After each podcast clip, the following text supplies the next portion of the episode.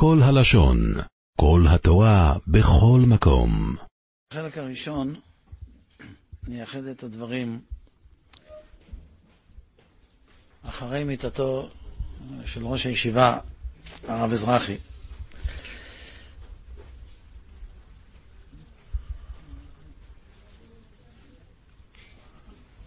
רוב אלה שדיברו היום על הרב אזרחי במקומות שונים היו אלה שהכירו אותו כראש ישיבת עטרת ישראל.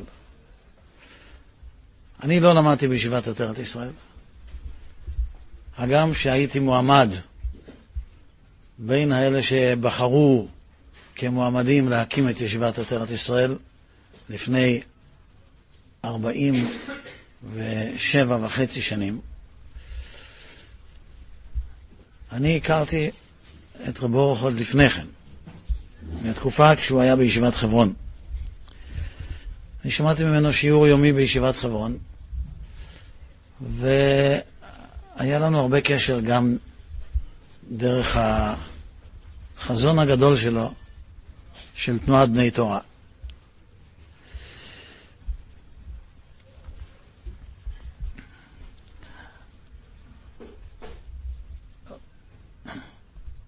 רב אורח אזרחי בנה לעצמו עולם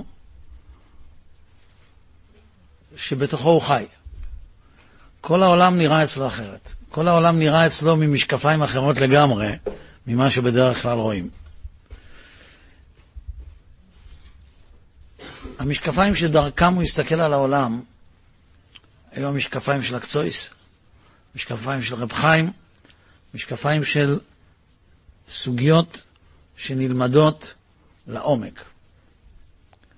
וזו צורה מאוד מעניינת, ואיך שהדרך הזאת פעלה, זה משהו מופתי.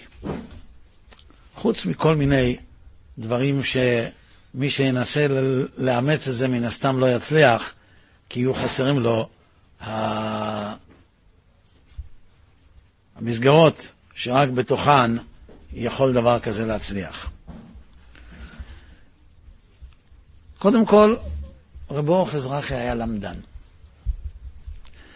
זה בראש ובראשונה. צריך להבין את זה. יש הרבה מאוד אנשים בקיאים. בדרך כלל בקיא זה מי שיודע הרבה גמרות, הרבה מדרשים, הרבה פסוקים, יודע להגיד בעל פה. זה לא היה סוג הבקיאות שלו. הוא היה בקיא בכל חדרי הלמדנות. אתה יכולת לבקש ממנו להגיד חבורה באיזה תחום בעולם בש"ס, והוא מיד היה אומר. היה לו על הכל.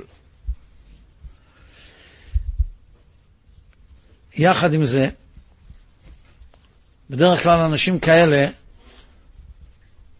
עם יכולות כאלה, לא מתפרסמים בהתמדתם. לא זאת הנקודה. רב אורך היה מתמיד בצורה בלתי רגילה. זה אולי אנשים יודעים פחות. בני היה שומע ממנו חבורי בקודשים. הם מגיע מחברון לשמוע חבורי בקודשים. אמר, היו מגיעים אליו בלילה, הוא היה עייף, הוא היה עייף, בקושי פוקח את העיניים. ברגע שהוא מתחיל לדבר, כמו אריה. הוא היה מתעורר לחיים. הוא לא היה אף פעם עייף כשהיה מדובר בלדבר בלימוד. כבר שנים אני חושב כך, ואני אומר את זה בכל, מעל כל במה אפשרית, שאין לי ספק בעולם שהוא היה מגיד שיעור ברמה הזאת של ראשי ישיבה הכי טוב בעולם. הוא ידע לה... למסור דברים בבהירות ולגרום לאנשים להשתוקק להיות מסוגלים להבין דברים כך. זאת...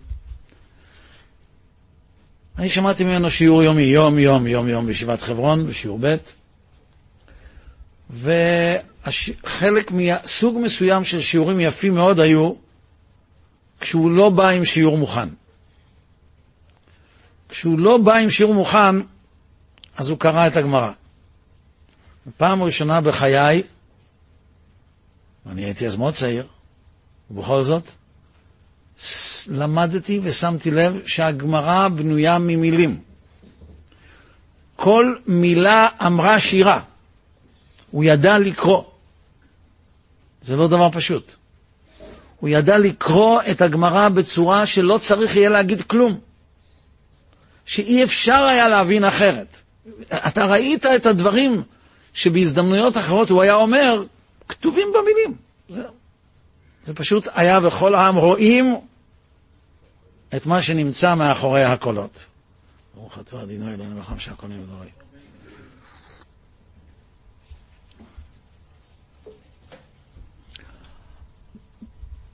הוא לא במקרה גם היה החתן היחיד של המשגיח הזקן, כי בצד כל אלה הוא גם ראה את עצמו והיה איש, אולי אחד האחרונים, של תנועת המוסר.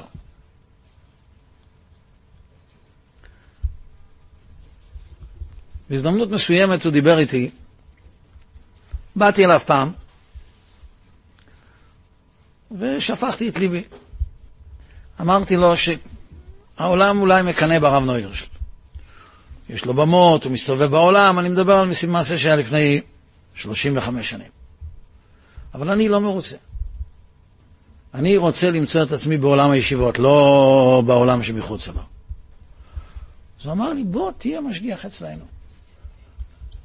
זה עוד לפני שרב חיים וולקין הגיע. הוא אומר לי, יש לי שלושה תנאים. התנאי הראשון צריך להיות לויאלי לראש ישיבה. אמרתי לו, זה לא צריך להגיד. כל מקום שאדם נכנס, הוא צריך להיות לויאלי למי שמכניס אותו לשם. זה ברור, זה מובן. אין לי בעיה עם זה. התנאי השני, הוא אומר, זה כבר הייתה, היה תנאי שלא יכולתי לעמוד בו, אתה צריך לפרוש מכל העיסוקים שלך. רק פה. הוא צודק מאוד. שוב אתה שומע מה צריך להיות באמת מי שאומר, אמור להיות מחנך בישיבה. התנאי השלישי, הוא אומר, מוסר, לא מחשובה. זה גם כן הייתה גזרה שציבור כמוני לא יכול לעמוד בה.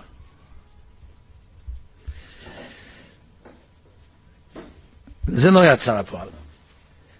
לא מזמן שמעתי את אחד התלמידים הצעירים שלו, שהיה איתי באיזה מקום, שבלי לדעת את זה, הוא סיפר לי שרב אורח דיבר איתו פעם ואמר לו, תראה את הרב נוירשל. הוא יכול היה להיות משגיח אצלנו בישיבה. הוא היה מתפרסם בכל העולם. הוא לא הסכים בגלל הסיבות. הוא אמר את האמת, כן. וזהו, הוא הפסיד. כי אצל רב אורח הישיבה הייתה כל העולם. זה היה כל העולם. משם הוא יצא לכל העולם. הוא היה איש של מוסר. זה לכאורה דבר הפוך לגמרי. כי בתוקף למדנותו, דווקא היית מצפה שהוא יחפש את העומק גם בתחומים האחרים, בסגנון, מה שנקרא יום מחשבה. והוא בעצמו באמת היה שם. אבל הוא הבין שזה לא מתאים לבחורים הצעירים. וכאן נפרדו דרכינו. לא ברמה האישית, אבל ברמת התפקיד.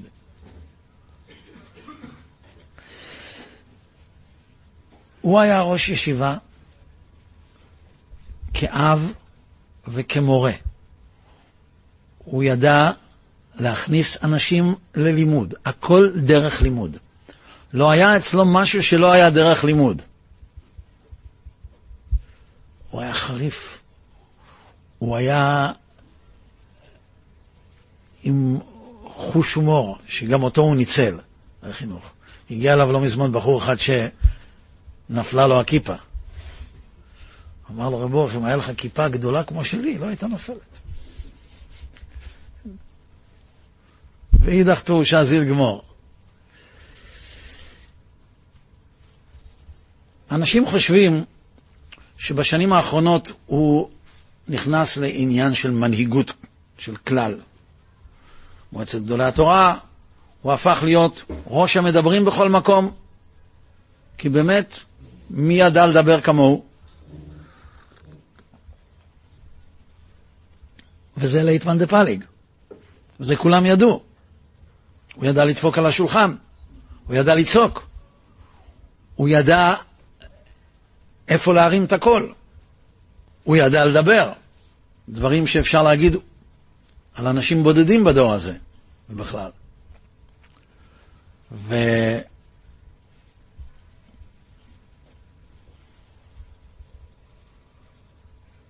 כל זה היה מתוך הישיבה. לא כולם יודעים.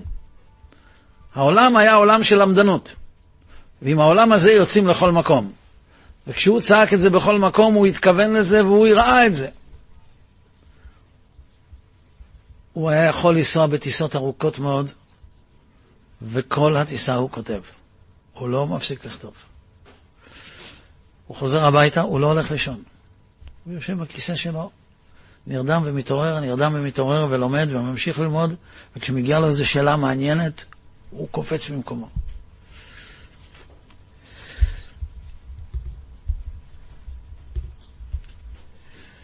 הוא היה אד...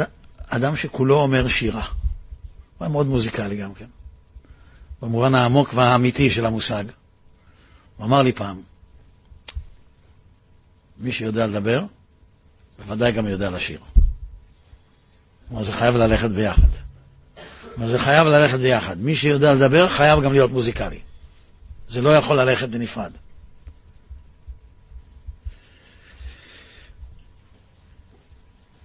אבל מעל הכל, מה שכולל את הכל, הוא היה אחד מאנשי החזון המובהקים, אולי היחידים שראויים לתואר הזה. הוא היה איש חזון גם כשהוא היה, עוד כשהוא היה צעיר.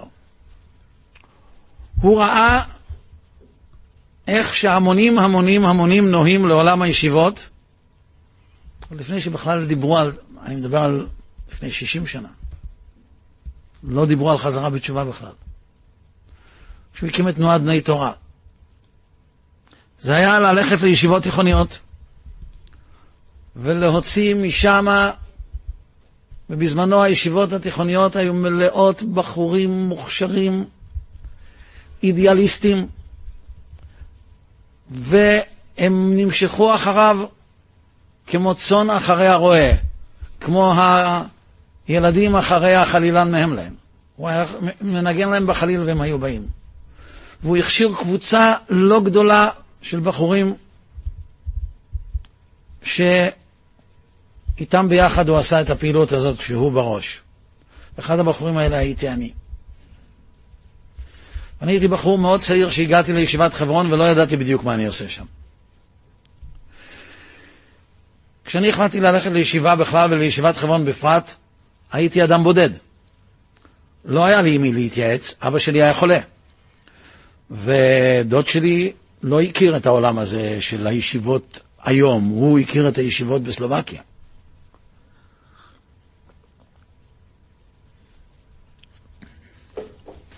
הלכתי לישיבת חברון, כי בני משפחה אחרים הלכו לשם. כשהגעתי לשם, מיד התביית עליי בחור, מבוגר ממני בכמה שנים טובות, שהיה אחד מאלה שאפשר להגיד יד ימינו של רב אורח אזרחי, בתחום הזה של החזון. הוא אומר לי, חודש אלול, אנחנו נוסעים לישיבות תיכוניות להגיד שיחות לבחורים, לשכנע אותם לבוא לישיבות. תבוא איתנו. אמרתי לו, מה תבוא איתנו? תבינו שאני הייתי אז בן 18. אולי קצת יותר. אמרתי לו, אני, אני בעצמי לא יודע, אני לא, אני לא יודע אם אני צריך ללכת לישיבה, אתה אומר לי לבוא איתו. הוא אומר, תבוא, תבוא, תבוא. הוא הבין שאם אני אבוא לשכנע אחרים, אז אולי גם אני אשכנע את עצמי. וככה התחיל. במשך השנה כמה פעמים עשינו שבתות במקומות כאלה. ואלה הגיעו למחנה בני תורה. אני רוצה שתבינו שמחנה בני תורה אז לא היה מחנה בני תורה של השנים האחרונות. מחנה בני תורה של השנים האחרונות מגיעים בחורי ישיבה, הרבה. מגיעים בחורים מהיישוב, ממערבה, שכבר לפני חמש, שש ושבע ושמונה ועשר שנים החליטו ללכת לישיבות. לא זה היה, לא זאת הייתה האוכלוסייה שהגיעה אז למחנות. הגיעו בחורים שלא עלה בדעתם בכלל ללכת לישיבות. אני זוכר את אחד הבחורים שהיה צריך לנסוע לתחרות כדורסל ככוכב נבחרת הנוער, ובדרך לשדה התעופה הרב צבי אריה בינדר, היה אז בחור, דיבר איתו כל הלילה, והוא עד היום, הוא סבא לנכדים, מנהל בית של, של תורה, עם כל מה שכרוך בזה.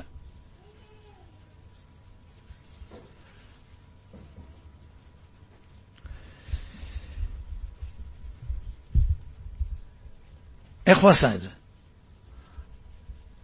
כשאתה רוצה לקרב אדם, כמו שמדובר היום, אתה צריך או לתת לו הוכחות, או להפריך את השיטות האחרות, או לספר סיפורים מרגשים. הגמרא אומרת שכשאונקלוס החליט להתגייר, הדוד שלו שלח אליו גדודים של חיילים רומאים כדי להחזיר אותו הביתה. ואת אחד הגדודים הוא שכנע להישאר ולהתגייר גם כן איתו בקראי, על ידי שהוא ציטט להם פסוקים. שאל הרב וולבה, הדברים האלה של הרב וולבה כתובים בספר שהיה נקרא בין ששת לעשור, של הרב וולבה, שלימים הוא הוציא את זה במהדורה נוספת שהוא קרא לזה עולם הידידות. הספר בין ששת לעשור ששינה את השם, אבל התוכן הוא אותו דבר, זה שיחות שהרב וולבה נתן בקיבוץ חולדה בין מלחמת ששת הימים למלחמת יום הכיפורים. ואז הרב וולבה אמר, אם היו לי עשרה אברכים איתי מתאימים, הייתי מחזיר בתשובה את כל תל אביב אז. כך הוא אמר. שם בבין ששת לעשור שואל הרב וולבה על הגמרא הזאת, איך אפשר להבין את זה? מה עשה להם אונקלוס כשהוא הקריא להם פסוקים? הרי היום הסטטיסטיקה קובעת שהמקצוע המשעמם ביותר בבתי הספר זה מה שנקרא תושבע, תורה שבעל פה, והשני הכי משעמם זה תנ"ך. אז איך אפשר, חיילים רומאים מן הסתם אנאלפביתים, שכל מה שהם עברו זה הכשרה גופנית, לשכנע אותם להתגייר על ידי שמקריא להם פסוקים. אומר הרב וולבה, אם יודעים איך להקריא את הפסוקים, ואם קוראים את הפסוקים המתאימים בצורה המתאימה, על ידי האדם המתאים, אז גם חיילים רומאים באים להתגייר. רב אורך אזרחי החזיר בתשובה עם קושייה של צויס. הוא היה נכנס לחדר האוכל במחנה בני תורה אז, בליל שבת, וזורק לחלל האוויר שאלה. ותוך חמש דקות כל העולם באמצע הסעודה היה כמר ככה. אני לא מכיר מישהו שמסוגל לעשות את זה. לקחו כמה שיעורים שהוא הכין ופירקו אותם, הוציאו חוברות שנקראו והגית. חוברות שבהם הלומדים מתודרכים בכאילו עשה זאת בעצמך, לבנות מערכה, אחת המערכות היפות שלו. בחורים רחוקים, שבחיים שהם לא למדו דף גמרא כמו שצריך. אולי הם למדו גמרא למבחנים שהם צריכים, אבל לא למדו בחיים דף גמרא כמו שצריך. ישבו עם זה יומם ולילה כדי, זה אתגר אותם. ומעולם לא ראיתי אני דוגמה למאור שבתורה מחזירם למוטב, כמו בתופעות האלה, שאף אחד מאיתנו לא ידע לחכות. כשאני התחתנתי, זה היה בקיץ. עשו לי שבע ברכות במחנה בזמן ארוחת הצהריים. בגלל זכויות של שנים, עבר, שנים עברו לפני כן.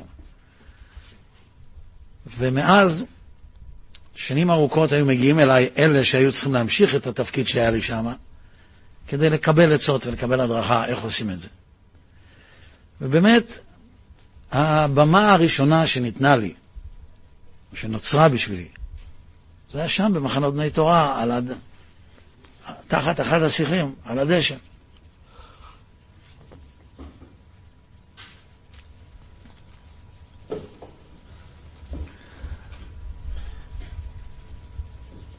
ו...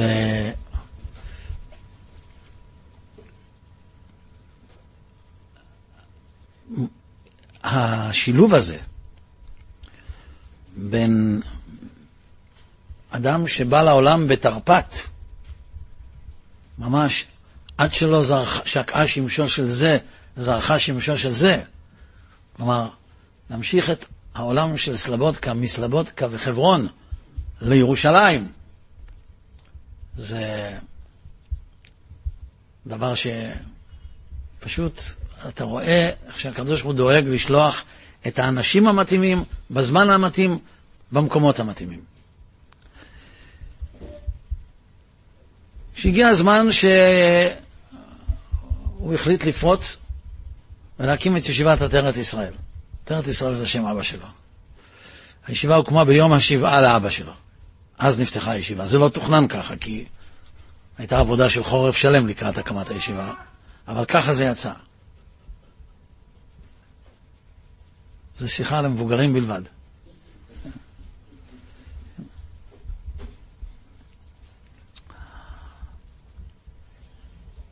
צריך להבין את זה. זאת הייתה העזה בלתי רגילה מצידו. היום כל מי שרוצה להקים ישיבה, יש לו מיד בחורים. עד שלא הוקמה ישיבת עטרת ישראל במשך שנים ארוכות, היו רק את הישיבות הוותיקות והקבועות. היה חברון, היה פוניביץ', היה כל תורה, היה בבאר יעקב ישיבה, היה ברכסים ישיבה, ועוד כמה. סלמודקה היה, ועוד כמה. להקים ישיבה חדשה, אף אחד לא חשב שדבר כזה יכול להצליח. הוא הקים את ישיבת עטרת ישראל מ-25 בחורים. זאת הייתה נחשבת כהצלחה.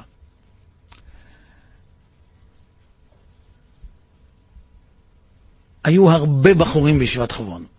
כשהוא היה רם בישיבת חברון, הוא, היה, הוא הקים כולל לזכרו של אחד מהראשונים של תנועת בני תורה, שנהרג בצבא בתאונה שהייתה בנאות הכיכר, שקראו לו מאיר אבי צדק.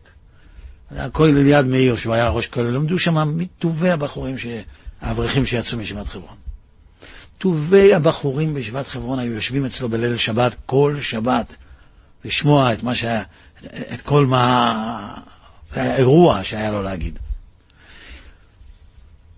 הציעו לו לבוא לחצי יום. כל אדם אחר היה קופץ על זה. טובי הבחורים הציעו לו לבוא בחצי יום. הוא לא הסכים, כמו אריה. ישיבה זה לא בית מדרש. ישיבה זה בית ששם הולכים לישון וקמים בבוקר, אין דבר כזה לקפוץ על שתי חתונות. הוא ויתר על הרבה מאוד אנשים שהיו יכולים מאוד להגדיל את שמה של הישיבה. והוא הוכיח את עצמו. ואחד הבחורים, היו שתי קבוצות של בחורים. קבוצה אחת שהמשגיח, חותנו, שהיו סביבו והוא הביא אותם, קבוצה שנייה שהוא הביא. ובקבוצה השנייה הזאת, גם אני הייתי בין אלה שדיברו איתם לבוא.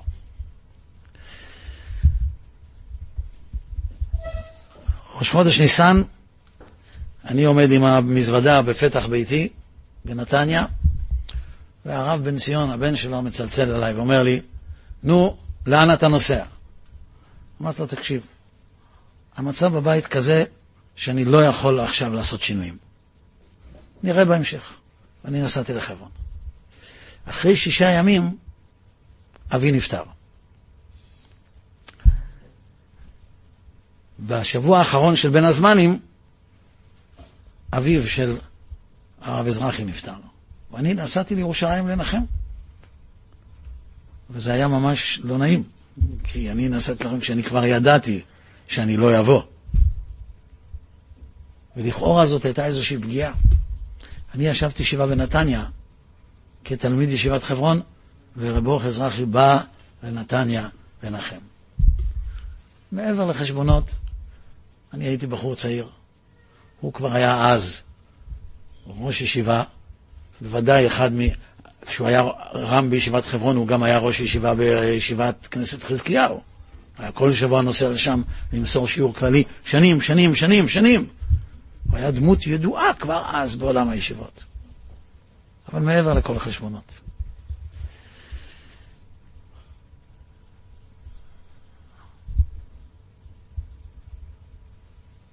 אנחנו לא יודעים מי יוכל למלא את מקומו בכל התחומים הללו.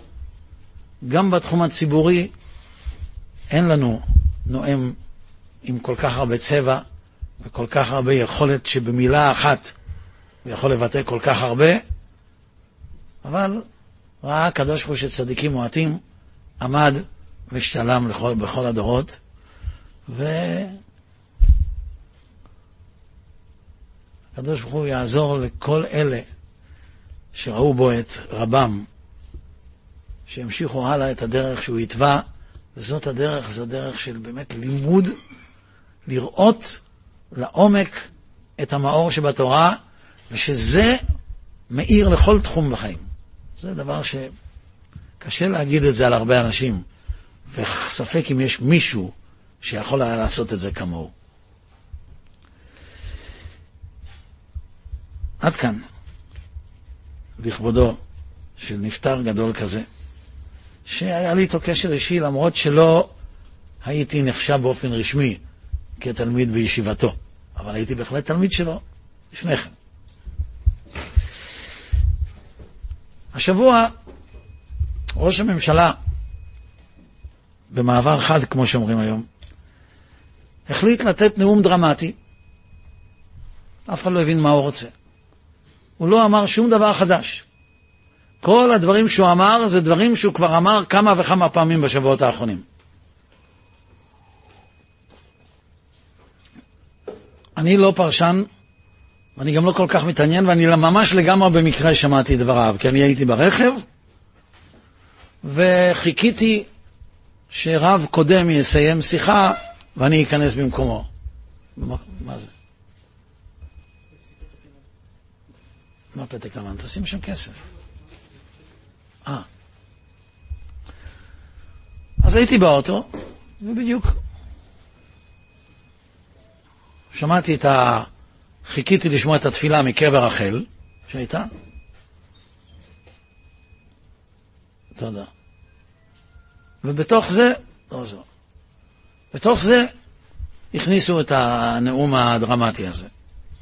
טוב, לא הבנתי מה הוא אומר, אבל בנאום הזה הוא הוסיף סיום שלא היה קודם. הוא סיים עם פסוק בישעיהו פרק ס'. הפסוק הזה אומר, לא יישמע עוד חמאס בארצך, שוד ושבר בגבולייך. וקראת ישועה חומותייך ושערייך תהילה. וזהו סיים את הנאום. את הפסוק הזה ציטט לפני כשני עשורים על מדשאות הבית הלבן, אתם תצטרכו לשלם לי תור אצל הפסיכיאטר.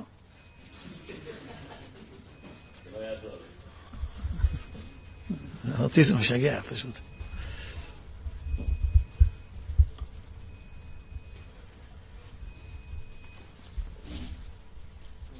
או, יישר כוח.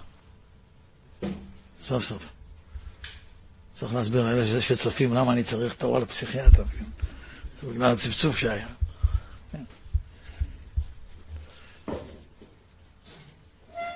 את הפסוק הזה ציטט, לא את כולו אמנם, על מדשאות הבית הלבן, כשחתמו את הסכם עזה ויריחו תחילה, יחד עם חתן פרס נובל לשלום, או שותפו של שמעון פרס ושל יצחק רבין לפרס נובל לשלום, יאסר ערפאת.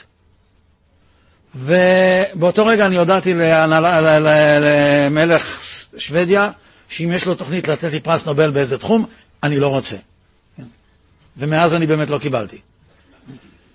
לא מעוניין להיות באותה קטגוריה כמוהם. בכל אופן, בפתוס שמעון פרס, אני מוכרח להגיד שהוא אמר את זה יותר יפה מהממשיך שלו, הוא קרא את הפסוק הזה, לא יישמע עוד חמאס בארצך שוד ושבר בגבולייך. באותו זמן אני עבדתי על הסרט שלי על ארץ ישראל שנקרא חריש עמוק, והבאתי את ההסרטה שלו, והוספתי ואמרתי שאי אפשר להגיד ששמעון פרס שיקר. הפסוק הזה אכן נמצא בישעיהו פרק ס', אבל זה רק חלק מפסוק. כי לפני כן כתוב, וידעת כי אני השם מושייך וגואלך ביר יעקב. אז לא יישמע עוד חמאס בארצך, שוד ושבר וגולייך. ועמך כולם צדיקים לעולם ירשו ארץ, כתוב אחר כך. אז לא יישמע עוד חמאס בארצך. אבל אם ותשחט הארץ לפני האלוקים, אז הוא מלא הארץ חמאס. שבוע אחרי כן, ולא נביא אני ולא בן נביא, אבל שבוע אחרי כן נחטף על ידי החמאס נחשון וקסמן, וכל הארץ רעשה. פרשת השבוע שלנו אומרת שרה לאברהם, חמסי עליך, כי הגר הרה ללדת, בדרך הטבע, את ישמעאל. אומר רש"י, חמסי זה לא החמאס שלי, אלא החמאס שיופנה נגדי. אני כבר לא מדבר על זה שכשכתוב בפרק כ"ז בתהילים, וזה אמרנו כבר, אל תתנני בנפש צרי, כי גם הוא בידי שקר ויפה החמאס, התרגום מתרגם, חטופים. זה הכל אנקדוטות. מה שיותר מהותי הוא שבחלק של הפסוק של שמעון, אגב, מיד אחרי. שהוצאתי את הסרט ההוא שחלק מכירים, על כל הנבואות על ארץ ישראל והתגשמותן, ה-BBC עשה סרט על חייו של שמעון פרס. הם רצו להראות איך שמעון פרס נפגש עם כל מיני סוגים של אוכלוסייה בארץ, גם עם רבנים. אז ארגנו קבוצה של רבנים דוברי אנגלית. היה שם הרבי מבוסטון, שאז הוא היה הבן של הרבי מבוסטון. ראש כולל בוסטון, הרב שלמה אשכנזי. ידידי המנוח, הרב צבי ויימן, טוען רבני, ואני. ואני הבאתי איתי את הסרט. אמרתי, אם הוא לא יתנהג יפה, אני נותן לו את הסרט, ששם אני משמיץ אותו קצת. אני לא אגיד לכם איך הוא יתנהג, לא רוצה לדבר לשון הרע, אני רק אגיד לכם שהוא קיבל את הסרט בסוף.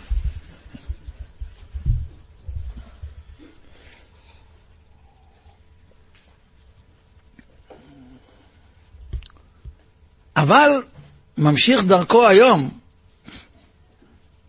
ולמעשה זה שהביס אותו בבחירות אחרי רצח רבין, יקריא את המשך הפסוק. הוא לא יקריא רק לא יישמע עוד חמאס בארצך שוד ושבר בגבולייך, כמובן את ההמשך שאני אמרתי קודם לא, לא יקריא, אבל ימשיך, את המשך הישיר של אותו פסוק, וקראת ישועה חומותייך ושערייך תהילה. הבעיה היא שכותבי הנאומים שלו לא נוהגים ללמוד בעל הטורים. ואפילו אם כן, בעל הטורים שאני עומד לצטט לא נמצא כאן. הוא נמצא בפרשת השבוע, באותו שבוע שבו הנאום הזה נישא. על הפסוק וקראת שמו ישמעאל.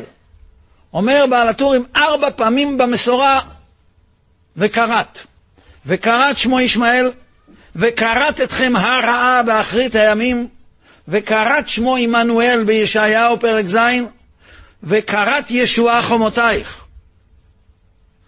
אומר בעל הטורים, הוא ממשיך ואומר, וקראת שמו ישמעאל, ומזה וקראת אתכם הרעה באחרית הימים. וזה בנוסף למה שאומרת שרה חמסי עליך, כשעומד ישמעאל להיוולד. התשובה היא, וקראת שמו עמנואל. אם אנחנו נהיה עם האל, אז וקראת ישועה חומותייך. ואם יש דברים ברורים, אז אני לא יודע אם הם צריכים להיות ברורים יותר מהדברים, מהיד הרושמת על הקיר כאן. ובפרשה שלנו, מעניין לעניין באותו עניין, יש את מלחמת העולם הראשונה. ויהי בימי אמרפל מלך שנער, אריוך מלך אלעשר, כדר לעומר מלך גויים, עשו מלחמה. אומרים חזר, כדר לעומר מלך אילם, סליחה, תדע על מלך גויים, עשו מלחמה. אומרים חז"ל, המלחמה הראשונה מכילה את השורשים של ארבעת המלכויות. אמרפל מלך שינר זה בבל, אריוך מלך אלעשר פרס, כדרלומר מלך אילם יוון, תדע על מלך גויים אדום, ששולט על גויים רבים. זה באמת מעניין שתמיד אדום זה ריבוי של עמים. בצלם שראה נבוכדנצר, אדום נמצאת ברגליים. ראש, גוף, צוואר, גוף ורגליים, עם עשר אצבעות. אומר רבנו סעדיה הגאון כי אדום מתפצלת לעשר מלכויות. תדע על מלך גויים, קואליציה בינלאומית היא עשתה. גויים רבים, כינס גויים רבים. זה אדום, שקורא טרוניה לכל העמים. כמו המן מזרע עמלק, שהוא גם צאצא של אדום, ששולח לכל העמים את האגרות. ושוב רבנו סעדיה גאון אומר, בפירוש שמיוחס לרבנו סעדיה גאון על ספר דניאל, שאדום מתפצלת לשתי מלכויות עיקריות, כמו האצבעות בצלם שחלקם ברזל, חלקם חרס, ברזל זה אדום, חרס זה ישמעאל. וזה מסתדר עם אבק הרגליים של הערביים, שעבדו לאבק רגליהם, כי חרס ברגליים זה אבק רגליים, זה אותו דבר, עפר. בארבע הגלויות הללו, אברהם אבינו מניח את השורש לגלות מצרים. הגמרא במסכת נדרים, דף ל"ה עמוד ב', אומרת, מפני מה ירדו בני ישראל למצרים והשתעבדו בה ארבע מאות שנה? מפני שאברהם אבינו אמר רבי אבאו, יש שם שלוש, שלוש סיבות, אחת לגלות, אחד לעינוי ואחד לשיעבוד, אחד לשיעבוד ואחד לעינוי, מפני שלא קרה מספיק לחזור בתשובה, מפני ששאל במה ידע כי ירשנה, ומפני שעשה נגריה בתלמידי חכמים, כך אמר רבי אבאו. באיזו מלחמה? במלחמה הזאת. כמה חיילים היו לאברהם במלחמה הזאת נגד כל המעצמות של ההיסטוריה, שורשי כל המעצמות של ההיסטוריה? היו לו 318 חיילים. פשוטו של מקרא. חז"ל אומרים אליעזר בגימטריה 318. אומר רבי צחוק אייזיק חובר בספר שנקרא אפיקי ים, ששי"ח זה שי"ח ממשיח. זה השיח, השיח של המשיח. אלה היו החיילים של אברהם אבינו. וביניהם היו תלמידי חכמים. הוא עשה נגריה בתלמידי חכמים.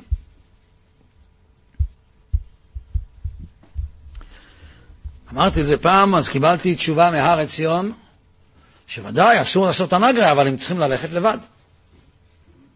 זאת הבעיה היא הנגריה, שהוא כפה אותם ללכת.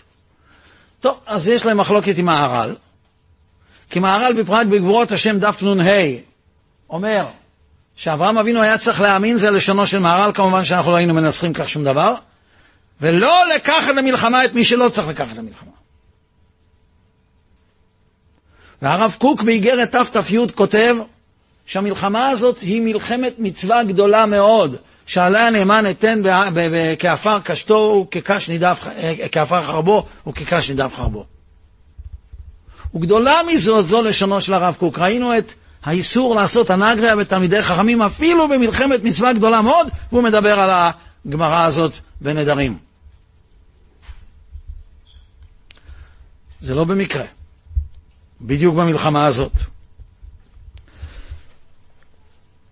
בשעה שניצל אברהם, בשעה שניצח אברהם אבינו את ארבעת המלכים, ניצל מלך סדום מבארות החמר. אומרים חז"ל, כשמלך סדום ניצל מבארות החמר, כל העולם ידע למפרע רטרואקטיבית שאכן אברהם ניצל מכבשן האש. זה לא כמו היום שכל מה שקורה מתועד, ומיד הרשתות החבר... החברתיות מפרסמות שאכלת היום בארוחת בוקר מלפפון ועגבנייה, כן? ממילא רק אלה שהיו סביבו ראו, והשאר שמעו את השמועה שהיא התגלגלה, וגם השמועה לא יכולה הייתה להתגלגל כל כך טוב, כי לא הייתה... אה, השיירות לא היו מצויות ממקום למקום כל כך, ולכן העולם הרחב פיקפק. ברגע שראו שמלך סדום ניצל מהבארות, אז למפרע האמינו בהצלה מכבשן האש. כמדומני שהכלי יקר שואל. בדיוק להפך.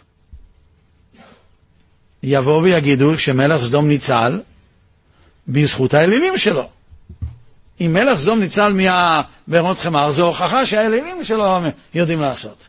הוא עונה שזה היה ברור לכולם, אני לא יודע בדיוק איך, שהוא ניצל בזכות אברהם. כנראה שמלך סדום אמר את זה בפה מלא, שהוא ניצל בזכות אברהם, וזה מה שמשמע מכל השיח שהיה להם, קח, תן לי את הנפש והרכוש, קח לך, שהוא הודה בכך שהוא ניצל בזכות אברהם. כלומר, בזכות מלחמת המלכים הזאת,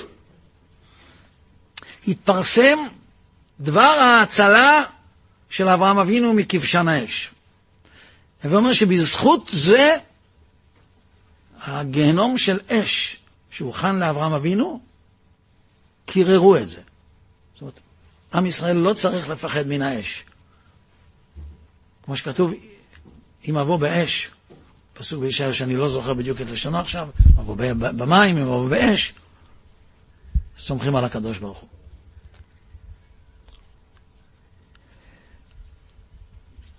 הסיבה שארבעת המלכויות הללו יצאו למלחמה, וזה מובן עכשיו בגלל שהם ארבע מלכויות, זה כדי למנוע את ביאת המשיח. המטרה הממוקדת, רצו לעשות חיסול ממוקד ללוט. ולוט לא ישב במנהרה. תפסו אותו. ואברהם אבינו יצא עם השין י"ח לוחמים שלו כדי להציל את המשיח, להציל את לוט. זאת אומרת, זה היה מאבק על המשיח.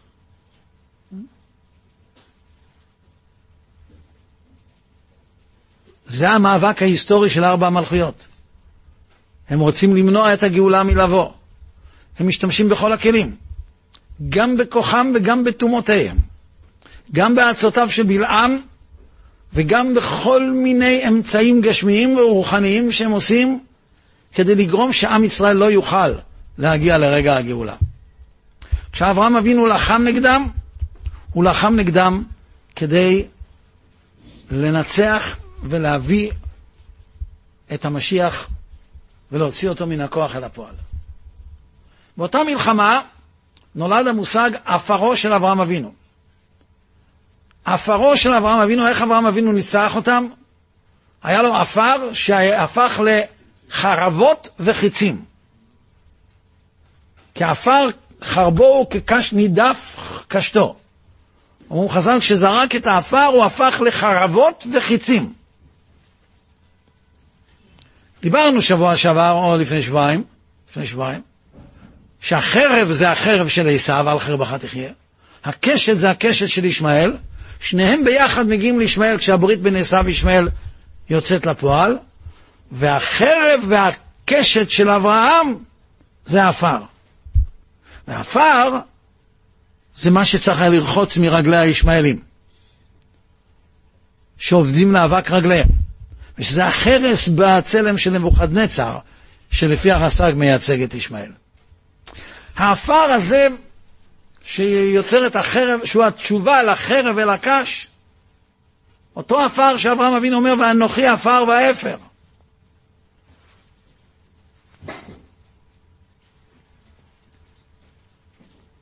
אותו עפר. אומרים על זה חז"ל, שעם ישראל, אני אומר את זה תמיד בחדר המשרפה של מיידנק. כשנכנסים למיידנק, בזכות הרשעים האלה שעשו מלחמה, יש שיעור בשבוע הבא, כי שבוע הבא הייתי צריך להיות בקרקוב.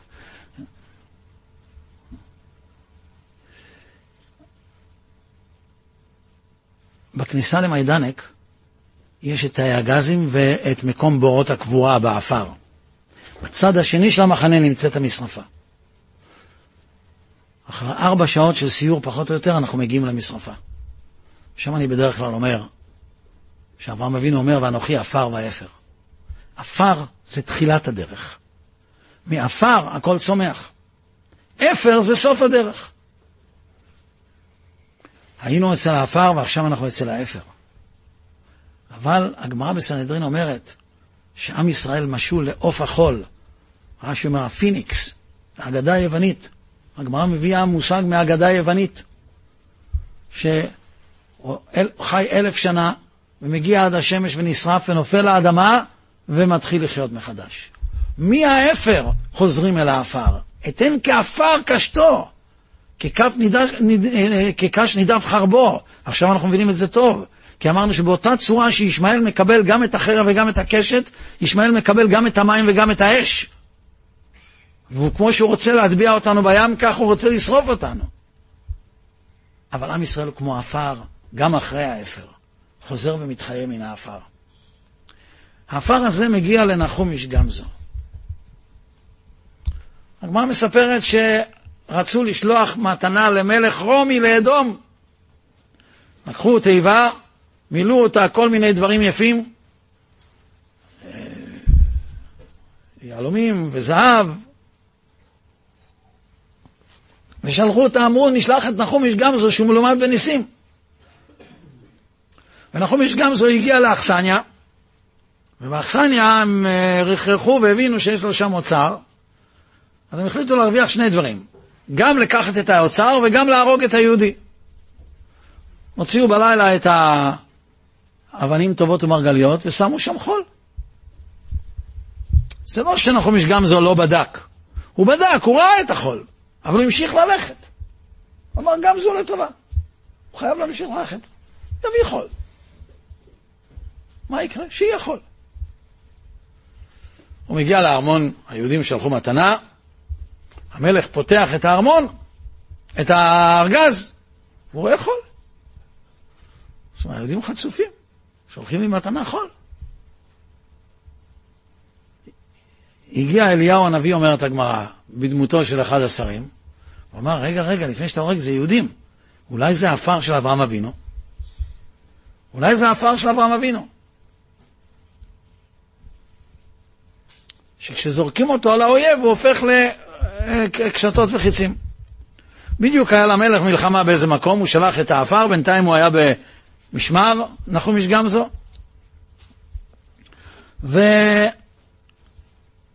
וניצחו. לקח את הארגז, מילא אותו, מתנות וזהב והכל והכל, ושלח אותו. בדרך חזרה הוא הגיע לאכסניה. שאלו אותו בעלי אכסניה, הם התפלאו לראות אותו בחזרה, כן, שלחה והיא חוזרת, כן, מה פתאום?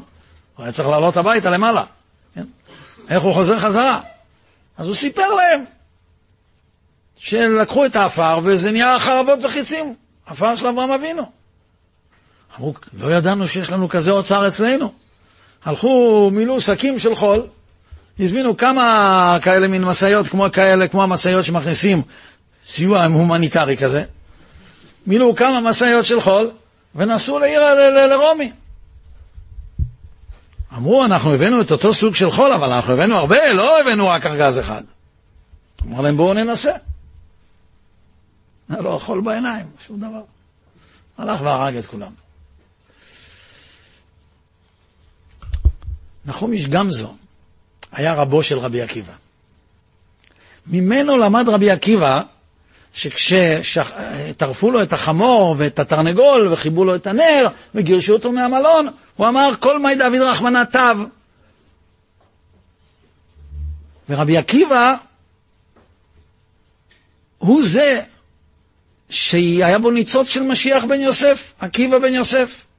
ולכן הוא ראה בבר כוכבא משיח בן דוד, וכמובן שרבי עקיבא לא טעה, כמו שאומרים כל אלה שלא יודעים ללמוד, וכך אומר רב צודק, ובבר כוכבא בוודאי היה ניצוץ של משיח בן דוד, אבל הוא קלקל, ולכן לא זכה. אבל רבי עקיבא היה חלק מהתהליך של משיח, ולמשיח בן יוסף יש שלושה תפקידים, כמו שאומר הגאון מווילנה.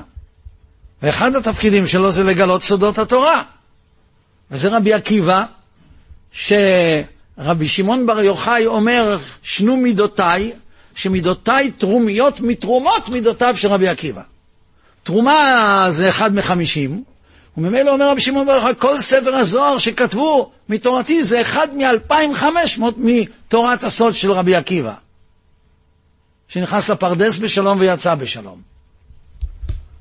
מה זה הגמזו לטובה של נחומיש גמזו? והכל מי דוד רחמנא לתו, או תו, של רבי עקיבא, אם לא הסגולה של רב חיים מוולוז'ין. אם לא שרואים שהכל, שום דבר לא מעכב, שהקדוש ברוך הוא נמצא בכל מקום ורק הוא, וזה העפר של אברהם אבינו, זה העפר של אברהם אבינו, שממנו יוצא הכל, ממנו צומח כל מה שבאמת צריך. אותו אברהם אבינו, שבאותה מלחמה נודע לכולם שהוא זה שניצל מכבשן האש, האפר מצד אחד באותה מלחמה, והעפר מצד שני באותה מלחמה. מילה אחת על אפר. מהר"ל אומר, על הפסוק וזכרתי את בריתי יעקב, ואף את בריתי יצחק, ואף את בריתי אברהם אזכור, והארץ אזכור. שואלים חז"ל למה לא כתוב זיכרון אצל יצחק? אומרים חז"ל משום שאת יצחק לא צריך לזכור, כי הוא אפרו צבור ומונח במזבח. שואל מהר"ל איפה אפרו? לא שרפו את יצחק בכלל. אז כולם יודעים שזה העיל תחת יצחק. אומר מהר"ל, אפר זה סוף הדרך.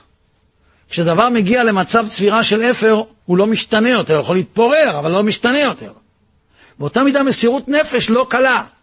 מסירות נפשו של יצחק לא קלה, היא נשארת והיא נמצאת במקום שבו היא הייתה. היא נמצאת ונשארת במקום שבו היא הייתה. ממילא, כשאברהם אבינו אומר ואנוכי עפר ואפר, כשהאפר של אברהם, זה לא רק עדת יצחק, זה אור כזבים, והעפר של אברהם זה העפר, שאיתו מנצחים את המלכים, כדי להביא בסופו של דבר את מלך המשיח לעולם עם שי"ח הלוחמים. אבל צריך להבין שגם כשנלחמים להביא משיח, תלמידי חכמים צריכים לשבת וללמוד. את תלמידי חכמים לא לוקחים, כי זה מה שהם צריכים לעשות. וכאן מתקשרים סוף דברינו לתחילתם. תחילה דיברנו על איך שכוח של למדנות של תורה ומאור בתורה יכול להפוך עולמות בלי צלצולי שמע ובלי צלצולי, צלצולים של הוכחות ושאר הדברים, בתנאי שיש מי שעושה את זה כמו שצריך. וזה מה שלמד אברהם אבינו, ועם ישראל כולו כשירד למצרים, בגלל שאברהם אבינו עשה הנהג רבי תלמידי חכמים.